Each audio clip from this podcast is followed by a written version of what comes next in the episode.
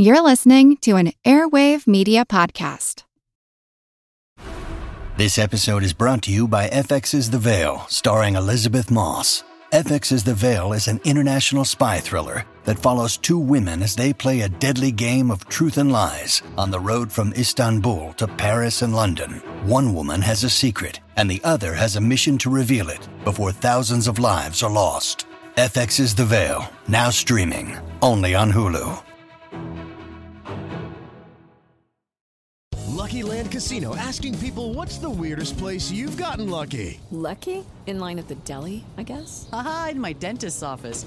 More than once, actually. Do I have to say? Yes, you do. In the car before my kids' PTA meeting. Really? Yes. Excuse me, what's the weirdest place you've gotten lucky? I never win and tell. Well, there you have it. You can get lucky anywhere playing at LuckyLandSlots.com. Play for free right now. Are you feeling lucky? No purchase necessary. Void where prohibited by law. 18 plus. Terms and conditions apply. See website for details. This is Kick Ass News. I'm Ben Mathis.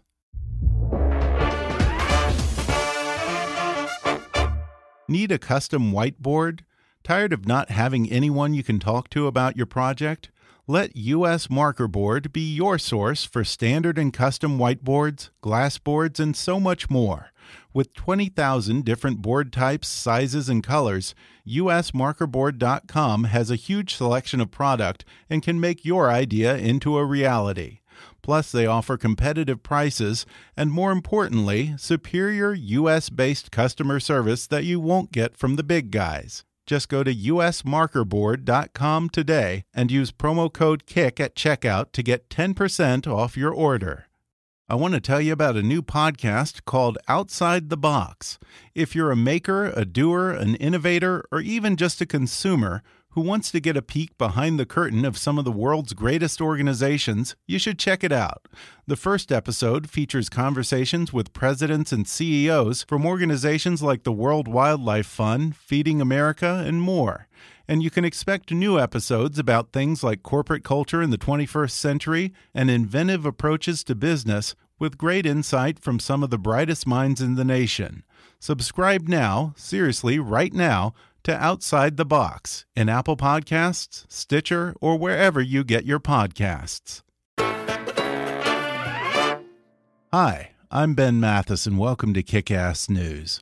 Folks, the other night I saw by far the funniest movie I've seen in two years. The movie made its premiere at this year's Sundance Film Festival to wide critical acclaim, and it's exactly the kind of quirky, independent film that sneaks up on you in between all the summer blockbusters and literally makes you laugh out loud for a straight hour and a half. Loosely based on the Decameron, a collection of stories by the 14th century Italian writer Giovanni Boccaccio, The Little Hours is about a young servant in medieval Tuscany who flees from his master and takes refuge in a convent full of catty, self centered, horny nuns. The movie stars an incredible ensemble cast that includes Alison Brie, Dave Franco, Aubrey Plaza, John C. Reilly, Molly Shannon, Fred Armisen, Jemima Kirk, Nick Offerman, Paul Reiser, and my guest today, the hilarious Kate Micucci. Kate has had memorable guest roles on television shows like Malcolm in the Middle and How I Met Your Mother, and recurring roles on Scrubs, Raising Hope, Till Death, and of course, The Big Bang Theory, where she plays Raj's girlfriend, Lucy. She also regularly voices animated series like Teenage Mutant Ninja Turtles, Out There, and Motor City, and together with fellow comedic actress and musician Erica Lindhome, she performs on stage as the comedy folk duo of Garfunkel and Oates, which has become a bona fide YouTube sensation. Today she'll discuss the origins of Garfunkel and Oates, how her latest film, The Little Hours, satisfied her lifelong obsession with nuns, and how the Middle Ages were a lot wilder than most people think. She talks about improvising her way through the movie, working with an all star cast of comics, and eating great Italian food and making music together on their downtime in Tuscany. Plus, we cover the funniest nude scene ever, what goes into her nun collection, and her stint as a professional sandcastle builder. Coming up with Kate Micucci in just a moment.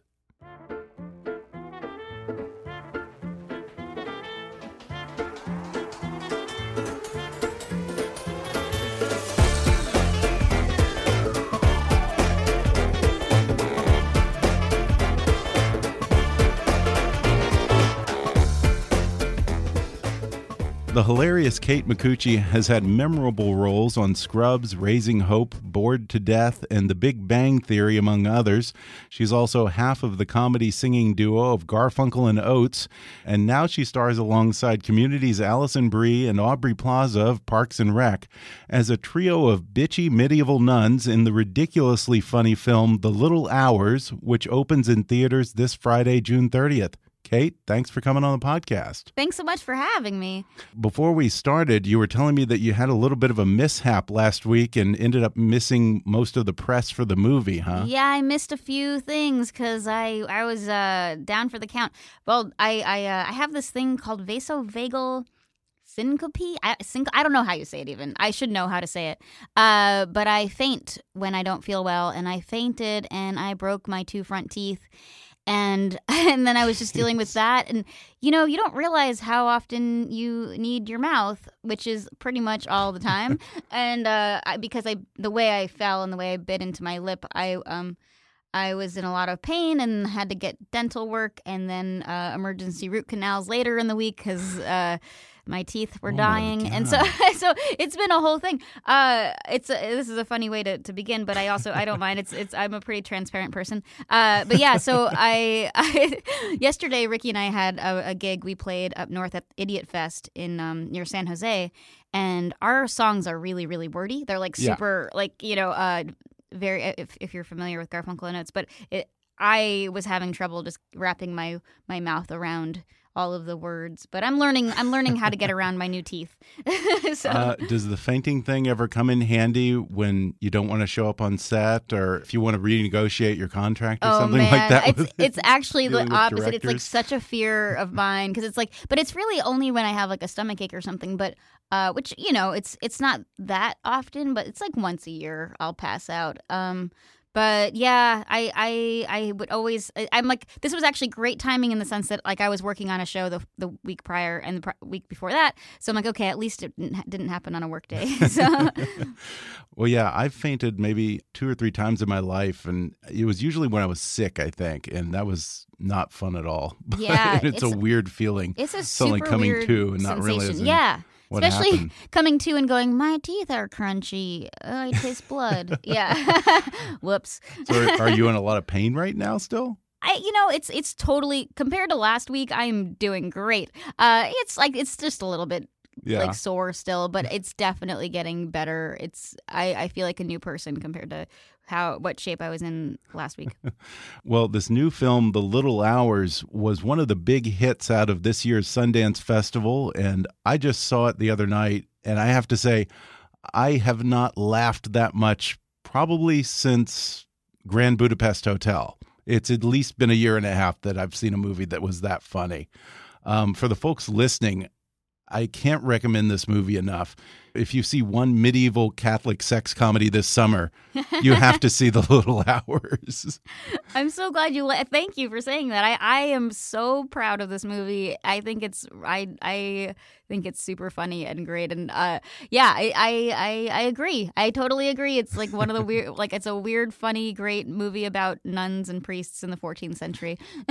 yeah, it's funny because everyone always looks forward to the big summer blockbusters. I always look forward to the little movies that I didn't see coming. The movie follows a bunch of horny 14th century nuns chasing after the convent's gardener.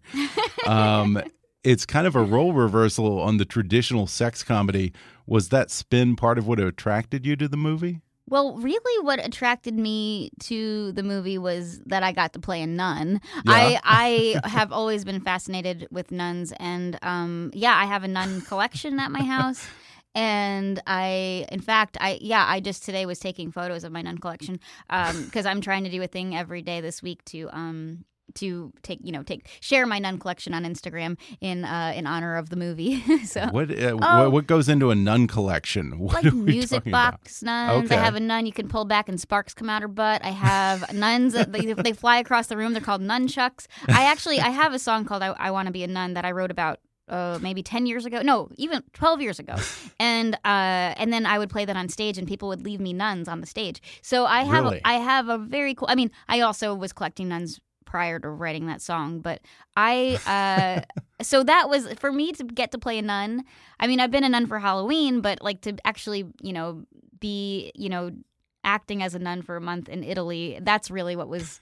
I, I I felt like I had just you know I won the the. I was so happy like winning the lottery or something. That that amazing. Like you, you spend so much time thinking about being a nun and then you get to be one. It was really great. That was Um, your dream role, playing a nun. huh? Yeah, and then not only that, there's that, but then there, Wow. you see the cast, and it's a dream Oh, cast. yeah. everybody in the movie is someone I admire and have been fans of for forever. So it's you know it's John C. Reilly and Molly Shannon, and you know you mentioned Al- Alison Brie and Aubrey Plaza, and then Davy Franco and and Fred Armisen and Nick Offerman and Lauren Weedman. It's just so many amazing Yeah. people in this movie, um, and so I I felt super lucky. I have to ask, do you remember how the nun song goes? Oh yeah, I of course. I mean, I, I'm sorry I don't have my my ukulele with me. Oh, but, that's all right. Um, You don't have to sing for us. you know, it's funny. Like that, just I sometimes I say sentences and then I realize that must sound weird. I'm sorry I don't have my ukulele with me. But uh, yeah, I uh, it's I want to be a nun so I can marry a priest and we'll have a baby and name him Jesus. Uh, our house would have a swimming pool for little baby Jesus to walk on. We take him to Sunday school to sing songs about himself. Uh, but I, it's it's a it's a cute little ditty. Uh, Yeah. I love it. I love the word ditty too. No one uses Yeah. that anymore. It is. It's an old timey term. Actually, I hear nuns are endangered. Probably a few months ago, I read an article in the newspaper saying that nuns are going extinct. Have you heard? Has anyone brought this up? Yeah, I mean, I I think they are because I mean, I think there are more probably in, in other countries. I don't really know. You know, it's just it's a it's a very specific lifestyle choice, I would Yeah. say. uh, so yeah, I, I think that they are. Uh, you know, there are less and less nuns, but um. Uh, yeah, I went to Catholic college and I, I knew some nuns there. Okay. I I feel like I was going to ask if you went to Catholic school with this nun obsession. I kind I thought about going, but I we had really good public schools where I grew up in Pennsylvania. But I did go and did the tour of the of the Catholic school, but but that was as far as I got. I, I stuck with the public school. But then um, I had to do CCD and, and that kind of stuff. I went to Loyola Marymount University, so there were Oh, some okay, yeah. there, and Somewhere Uh, I think I read that you encountered an ex nun who she said she prayed so hard that Oh, it felt like she was having sex with God. I had a nun, yes, an, a, a former nun tell me that, and and uh, yeah, she's that's what she said. She said that when she one time she prayed so hard she felt like she was having sex with God, and I was really amazed. Like I, I just thought that's cool, great. I like feel like maybe, yeah, I, I I still like, you know, I feel like religion is such a you know very uh, personal and individual thing, but I still have a lot of the the bits and pieces that I have taken from Catholicism that I still I feel like use in my uh my day to day life. I, I but I also I you know I I feel like going to Loyola Marymount was cool because it's a very you know it's a it, that school is awesome and it's it's also even though it is Catholic it's also very liberal in a good way. And, right. um, so you it doesn't they don't like hammer the religion in, but it is a nice like brush of you know Yeah. what, what you can pick any religion there to study. Like you could, you know, you can study like Buddhism there if you wanted. What is it that you find so interesting about nuns prior even to this movie? What was it that intrigued you about nuns? Well, I think you know, I, I think that there's something really cool about deciding to do that, you know, and having that life of where you're, you know, you don't, you can't get married and. Uh, you sort of have a built-in friend group. At least this was my perspective on it. Um, and I was a really shy kid, and I I didn't even start dating until I was 24 years old. So I feel like for a long time I was like the idea of being a nun was like seemed almost a little bit safe, and it seemed like something where if I if I chose to do that, like I would I wouldn't have to worry about social anxieties and pressures. Um, I but I was like kind of figuring things out, and I realized that oh yes, maybe I do want to actually, you know, not not be a nun and ex- explore other things in life. Well, I guess that a lot of the things that motivated women to become nuns back in the Middle Ages when this movie's set probably aren't a big deal anymore. I mean, you know, if your romantic prospects were limited to being auctioned off by your dad to some guy 30 years your senior, a convent probably looked like a pretty attractive life choice, I imagine. Well, that's the thing that I learned through doing this movie that back then you you know it wasn't it wasn't a choice often it was you know you were sent there through your family uh yeah so I, I feel like these women, especially these characters in the movie, are really just frustrated and and sort of. Um, at least my take on it was that we were stunted in ways. You know, we hadn't really explored the world. Like you know, we're we're just or you know our town because I guess back then you wouldn't really be exploring the world. But um, but yeah, I think that you're sort of stuck and and uh, you have your routine for life. You know. Yeah, I guess you kind of get that in this movie because these are anything but pious nuns. you know, yeah. they're supposed to be doing the Lord's work, and they seem to be interested in doing anything but. yeah, there's a lot happening there, but um, I think that's what makes the movie so much mm -hmm. fun. And you know, it's based on the Decameron, so right. that was written in the 14th century, and uh, there's it feels still maybe relevant to that time, but also I think there's a lot that's relatable to anybody. You know, yeah, I, I feel like it's it's a relatable story. Did you read the original story? Before you, filmed it? You know, I I didn't. I'm I'm ashamed to say I didn't read the story because it's it's not even that long. uh, I I I did. I should have probably, but I just kind of dove. Late now. Uh, yeah, uh, yeah. Here we are doing press for the movie. I probably should have done research on it. Um, but I I just I I really dove into the uh, the outline and of of the movie because there wasn't a script, there was an outline, and yeah, um, that was interesting. Yeah, and I just really started doing a lot of work, uh, just imagining my character in in these circumstances, and mm-hmm. I I kind of dove in in a different way, but. Uh, yeah, I probably probably should have done that. so so yeah, that's interesting because the dialogue comes off very natural in the way that the characters interact with each other. So you didn't have a screenplay to work off. You did it kind of like Curb Your Enthusiasm, where you have an outline and then you have a lot of room to improvise. Yeah, and it was it was a very detailed outline and Jeff Baena the director he had such a specific vision and it was really easy to just go okay like I I know I knew that he knew exactly the movie he wanted to make and so it was very easy to just trust him and go okay we're you know like just follow follow the captain of the ship, and and so it was, I I really actually love working in that way. I love doing um, things that are improvised. Um, I, I I've worked with Joe Swanberg a few times, and and he works in a very similar way, where it's just you just go and you see what happens, and it's very freeing and and thrilling, and you kind of it's like it's like diving off a cliff or something. Like here we go, and and then you find the things. You know, you do have specifics along the way, and with this movie because the plot is so it's you know there's a lot happening within the plot, yeah. so you do have to get a certain amount of information, you know, said within that scene. Um, but but yeah, it's really fun. It's a, it's a great way to work. I, and I like it too because at the end of the day, you don't have to go home and memorize a script. You can go and eat pasta. now, did you come from improv background, right? You know, UCB or I, what? I came out of I, I, I actually didn't do UCB uh, improv, but okay. Riki and I with Garfunkel and Oates that became our home. UCB became our home, and we did our shows there uh, when we were first starting out for years. And so um, yeah, I think I, UCB is such a great community, and it's so awesome to see you know what has come out of that place. Um, but yeah, I don't really have an improv. I don't have okay. improv training. I did a movie with Mike Birbiglia uh, that came out last summer. And that's all about improv, and so I got more training uh, prepping for that movie. But uh, yeah, I it, it, I just it's a very fun thing to do to just improvise scenes, and you just feel like uh, it feels very real because it's just whatever's coming out of your mouth yeah. is real in the moment, you know. We're going to take a quick break, and then I'll be back with more with Kate Micucci when we come back in just a moment.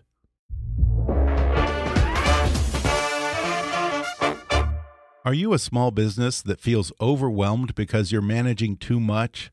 Free yourself from administrative tasks and focus on your business goals with Belay Virtual Assistant.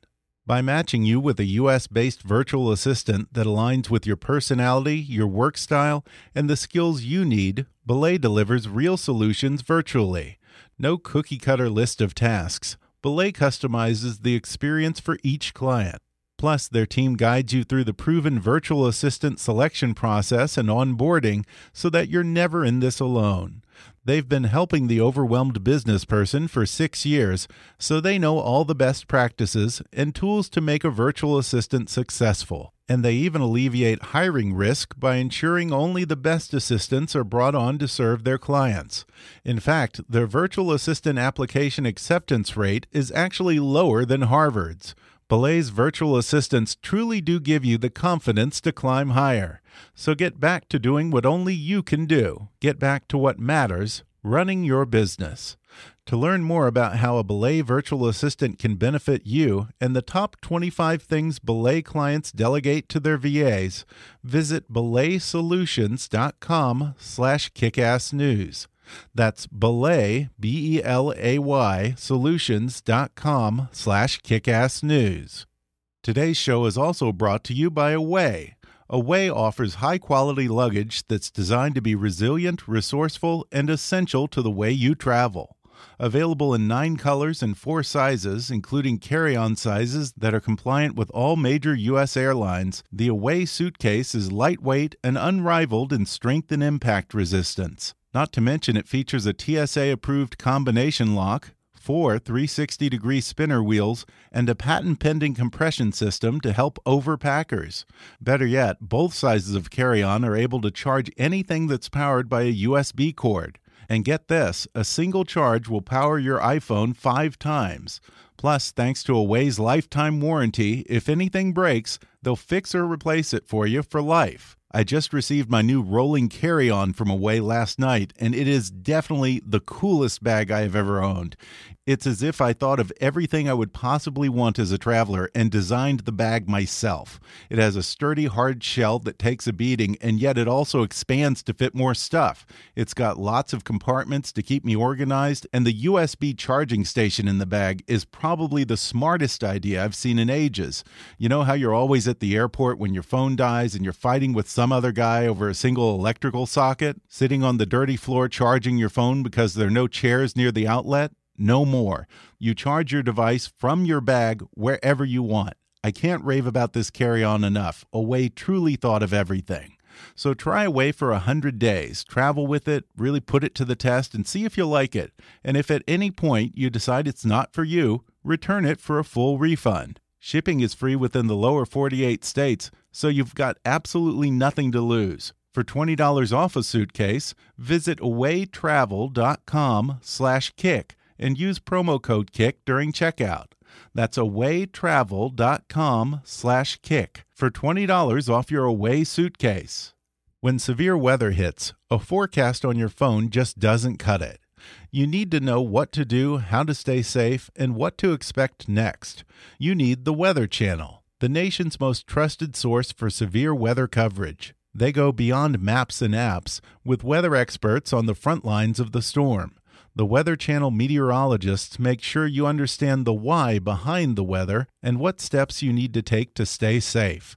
And the Weather Channel is exploring our atmosphere like never before. They're leading the way with the use of real time augmented reality, allowing you to see inside a hurricane, the potential threats of storm surge, or even taking you on a virtual tour inside a tornado. You've never seen weather like this before and understanding our atmosphere is the best way to prepare for severe weather. Every season, every storm, every time you watch, trust the Weather Channel. And now, back to the show. I understand the director, Jeff Baena, knows this material pretty well because I guess he minored in medieval studies in college, right? Yeah, he uh, he. I think that's what something about that. But he took a course that was mm. very specific to uh, what gave him the idea for this movie. I think I think it was like something about sex and religion in the Middle Ages or something like that. I, oh, I don't know the name of the, the course. He's mentioned it to me, but uh, but yeah. So that from there he kind of had this idea. That's interesting because you know this film kind of plays with our ingrained ideas about history. You know, if you're not a medieval scholar like Jeff is, or someone who's studied that era, you probably think that the Middle Ages were a very chaste, pious time. But, you know, if you go back and you read Shakespeare or Chaucer, these stories are full of bawdiness and sex and raunchy jokes. So, in that way, the film is actually weirdly true to the period, maybe. Yeah, so Jeff had said that, you know, in his studies that he learned that it was definitely, you know, a crazier, wilder time than, you know, probably a lot of people believe among the convents and, and you know, Catholicism, I guess. But uh, I, I think that's what makes the movie so much fun is we get to play with that and uh, you know watch these three nuns kind of figure some stuff out along the way. Was he a font of random trivia about the period? Not really. I mean, he Jeff is such a great guy. He's so cool and like you know he he uh, he he knows a lot for sure, but like it wasn't like he was like always you know spitting out facts about the about the time. but yeah, we had such a great time. I think the other fun thing about making this movie was the group. You know, we were always going out afterward, and so we you know after shooting we'd go and have the most amazing meals. You know, we were just like Yeah, in I'll Tuscany bet. eating pasta every day. It was awesome. Where did you shoot in Tuscany? Well, we were staying in a little town called Il Ciocco, um, Okay. and then uh, in and around there mostly, and uh, yeah, and then on the weekends we were trying to you know do day trips just to see more of Italy, and went to um, Lucca was a really cool town, yeah. and um, Yeah. yeah, I, I had been to Italy a couple of times. Once when I was in school, I went to art school in Pennsylvania prior to going to Loyola Marymount University. So we went, um, we took an art trip to Naples, which Naples is not really known as an art city. Yeah, not at all. But we had this really cool teacher who who he knew where like uh you would find the most amazing painting in like the basement of a bank. So like we were going on these very like kind of crazy scavenger hunts just to see one painting. But it was awesome. And then uh about 10 years ago, I shot a movie called When in Rome, which was this Disney movie uh, starring Kristen Bell. And Right. she makes a wish in a fountain. And um, anyway, that was really fun because I got to go to Rome for 10 days and I only worked one day. But I, yeah, so I had a lot of adventures in Rome back then, a lot of moped rides. that sounds dirty. I really, it was moped rides. That's yeah. it. Well, Vespa rides. Vespa rides. Nobody yes. has mopeds in Italy. Is that, yeah, is that what it's called? Vespas. Yeah, right. Vespa. Yeah, Sure. that's like straight out of a Fellini movie. yeah. Uh, you mentioned that you have this incredible ensemble cast of comedic actors John C. Reilly, yourself, Molly Shannon, Fred Armisen, Nick Offerman, Paul Reiser. What was the atmosphere like with that many cut ups on set?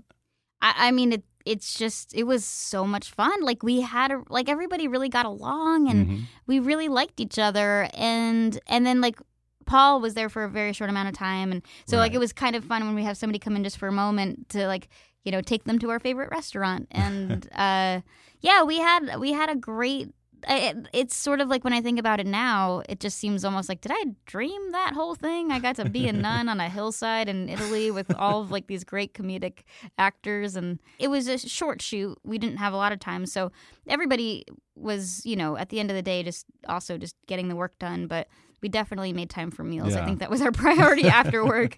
yeah. Who cracked you up the most behind the scenes on the movie? Oh man, I mean everybody's so funny. I but Fred is is one of those guys like I just love driving around like with his in his little Fiat because it's just like you know driving a Fiat through the the hills are it's just really fun and you know he just makes me laugh in a way that not many people like I I don't know he his he's so funny. I actually I was I had a birthday while we were shooting this movie and um Fred and John uh when my when it turned midnight they they together they improvised a birthday poem for me as if it was a poem they said to me every year and uh, it was one of those moments where i was like oh my god i have these two guys doing this very long birthday poem and it was just i'll never forget it it was great Was there a lot of singing on set?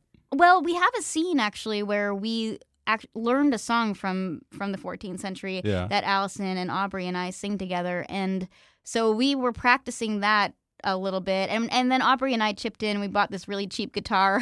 And we uh yeah John would sing songs with the guitar. And uh we all took turns making up songs. Yeah actually yeah now that I think of it we did sing a lot. Yeah. Well, one of my favorite things about the movie is you set the tone for the movie right from the opening scene. Much of the comedy is in the fact that not one of these actors spends any energy trying to approximate an Italian accent. so you get this crazy juxtaposition of this beautiful setting and a medieval convent. Everything is historically accurate from how they dress to how they do their chores except for this one thing how the characters talk and interact. You're watching these servants of the Lord talk like catty little teenagers out of a scene from Mean Girls.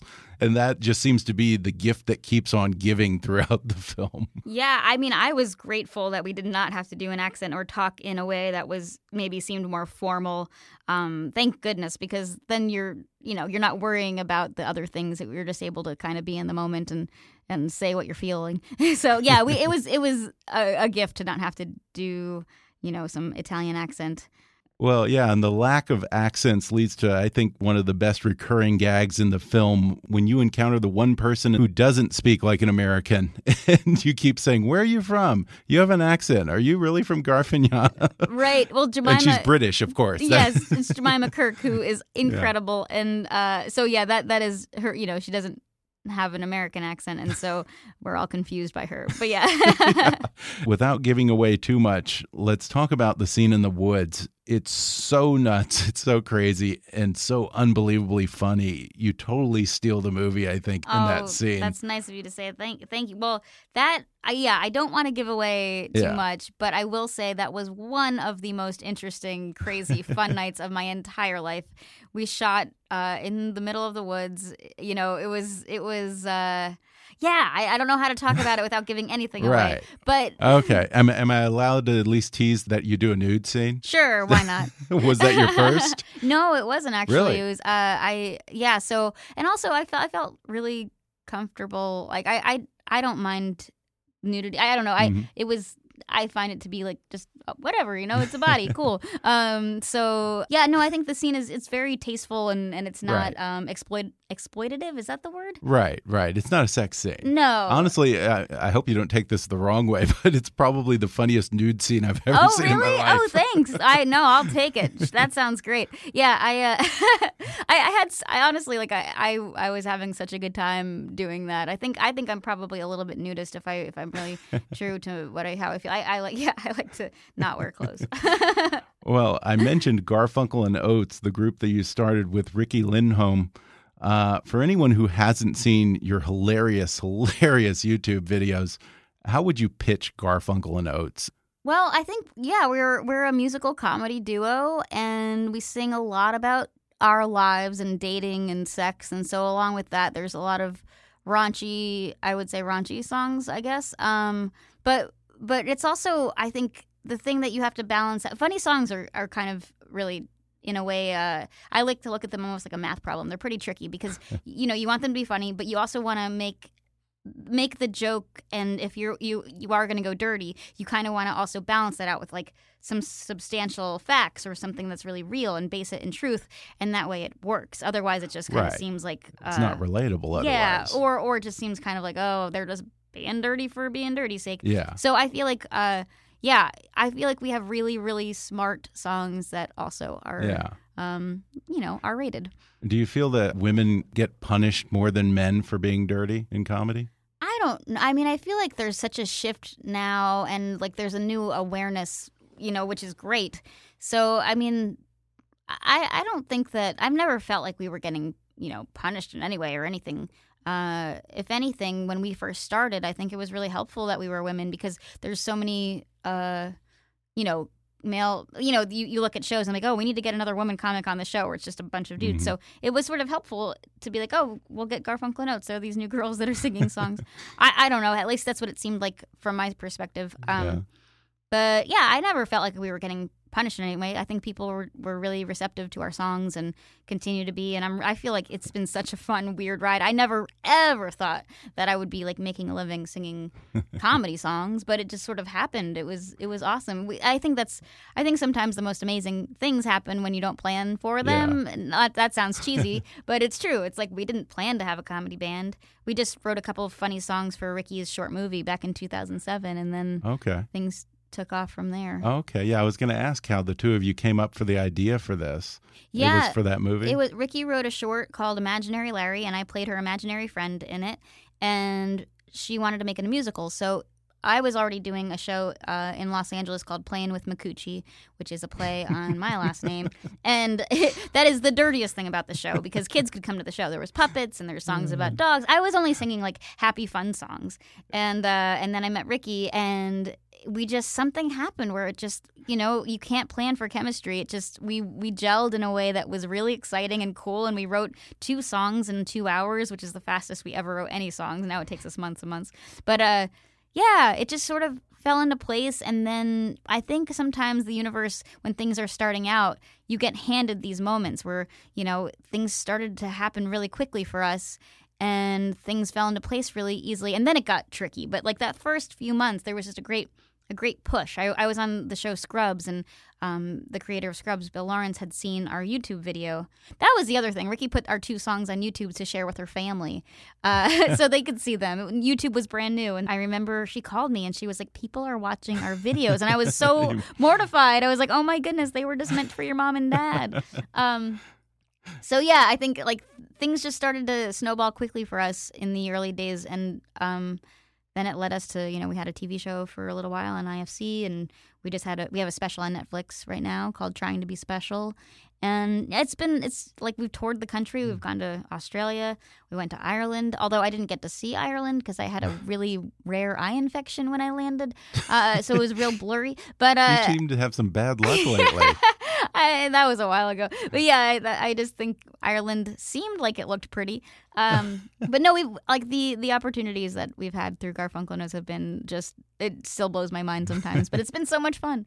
Did you grow up listening to like music comedy albums like Weird Al and that type yeah, of thing? Weird Al, and uh, a big one for me also was uh, Adam Sandler on SNL. Oh yeah, of course. When he sang the Hanukkah song, I remember like just I watched. I, t- I would always tape SNL every Saturday night and watch it on Sunday morning.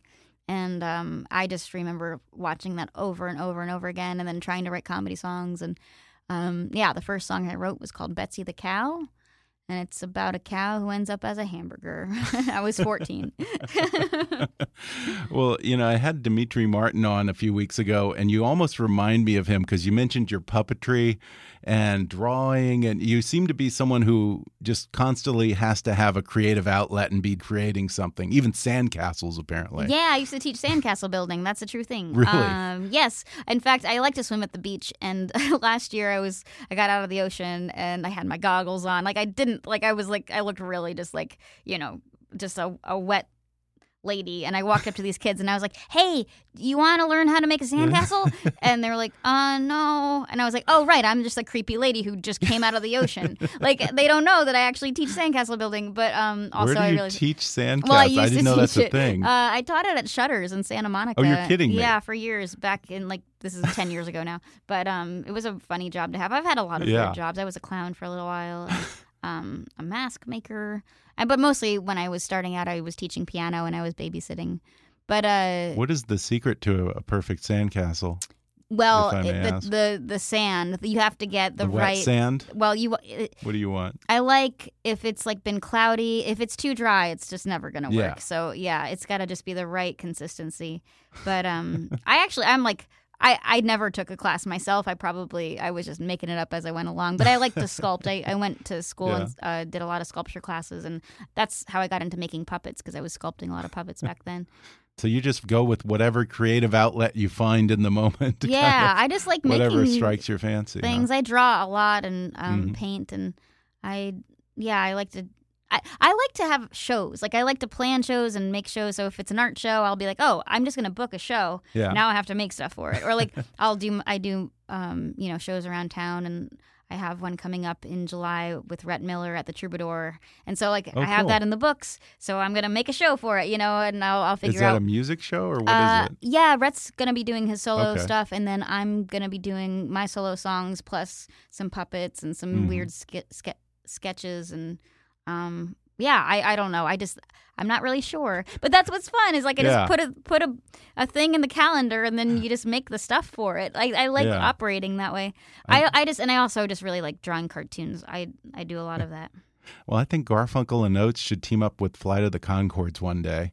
That would be amazing we would I we would, would- freak out for that I would freak out for that myself. Well, with all this on your plate, what's up next for you? I'm about to shoot a movie in a month, and um, prior to that, I'm going to go home for the 4th of July. and That's exciting. Okay, Um, Pennsylvania. Pennsylvania, Nazareth, Pennsylvania. I have to ask, with all the religious context we're talking about, why is like every city in Pennsylvania Bethlehem or Nazareth? There or are a lot of like religious that? towns where I grew up. I don't know, and there's a lot of churches where I grew up too. Yeah. Um, I'm not sure what the origin of that is, but um, I know Nazareth was founded, I think, because they it was a lot of German people from Germany came over and they thought that it looked like um, it reminded them of Germany. I don't, but I don't know. That has nothing to do with the churches, so I'm not really sure. Oh, another you know cool where thing- Nazareth is, right? oh well, yeah, in Nazareth and not in Germany. That's yeah, uh, yeah I know that much. but uh, but yeah, I, I, should also mention the reason I'm going to Comic Con is uh-huh. Ducktales. Uh-huh. I'm I'm in the new Ducktales. They're bringing it oh, back. the Disney's Duck. Yeah. Oh, I love Ducktales. I did too. I'm so Oh, excited. so I play cool. Webby, so um, so yeah, that that is coming out this summer. Can't wait. Yeah. Well, you are so hilarious in this movie. Again, The Little Hours opens in theaters this Friday, June 30th. Kate Micucci, thanks so much for joining me. Thank you for having me. This was really fun. Thank you. That's the show, folks. I hope you enjoyed it.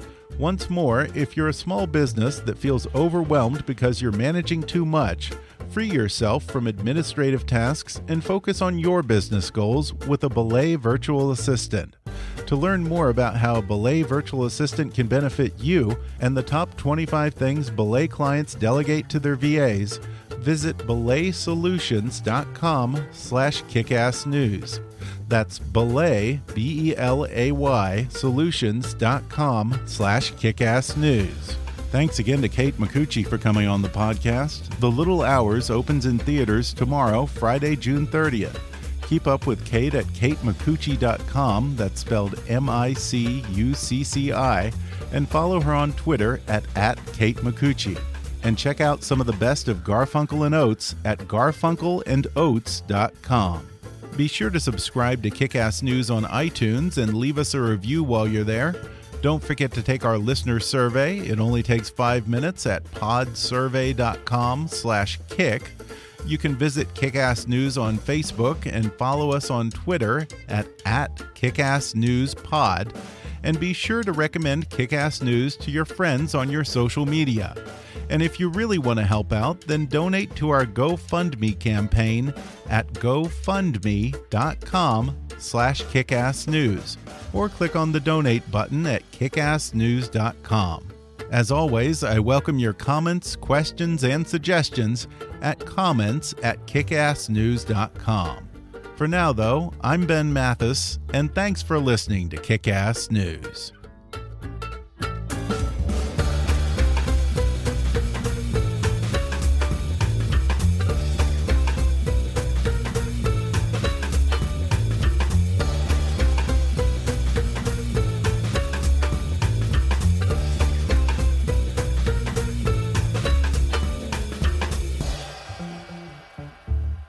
Kick Ass News is a trademark of Mathis Entertainment, Inc.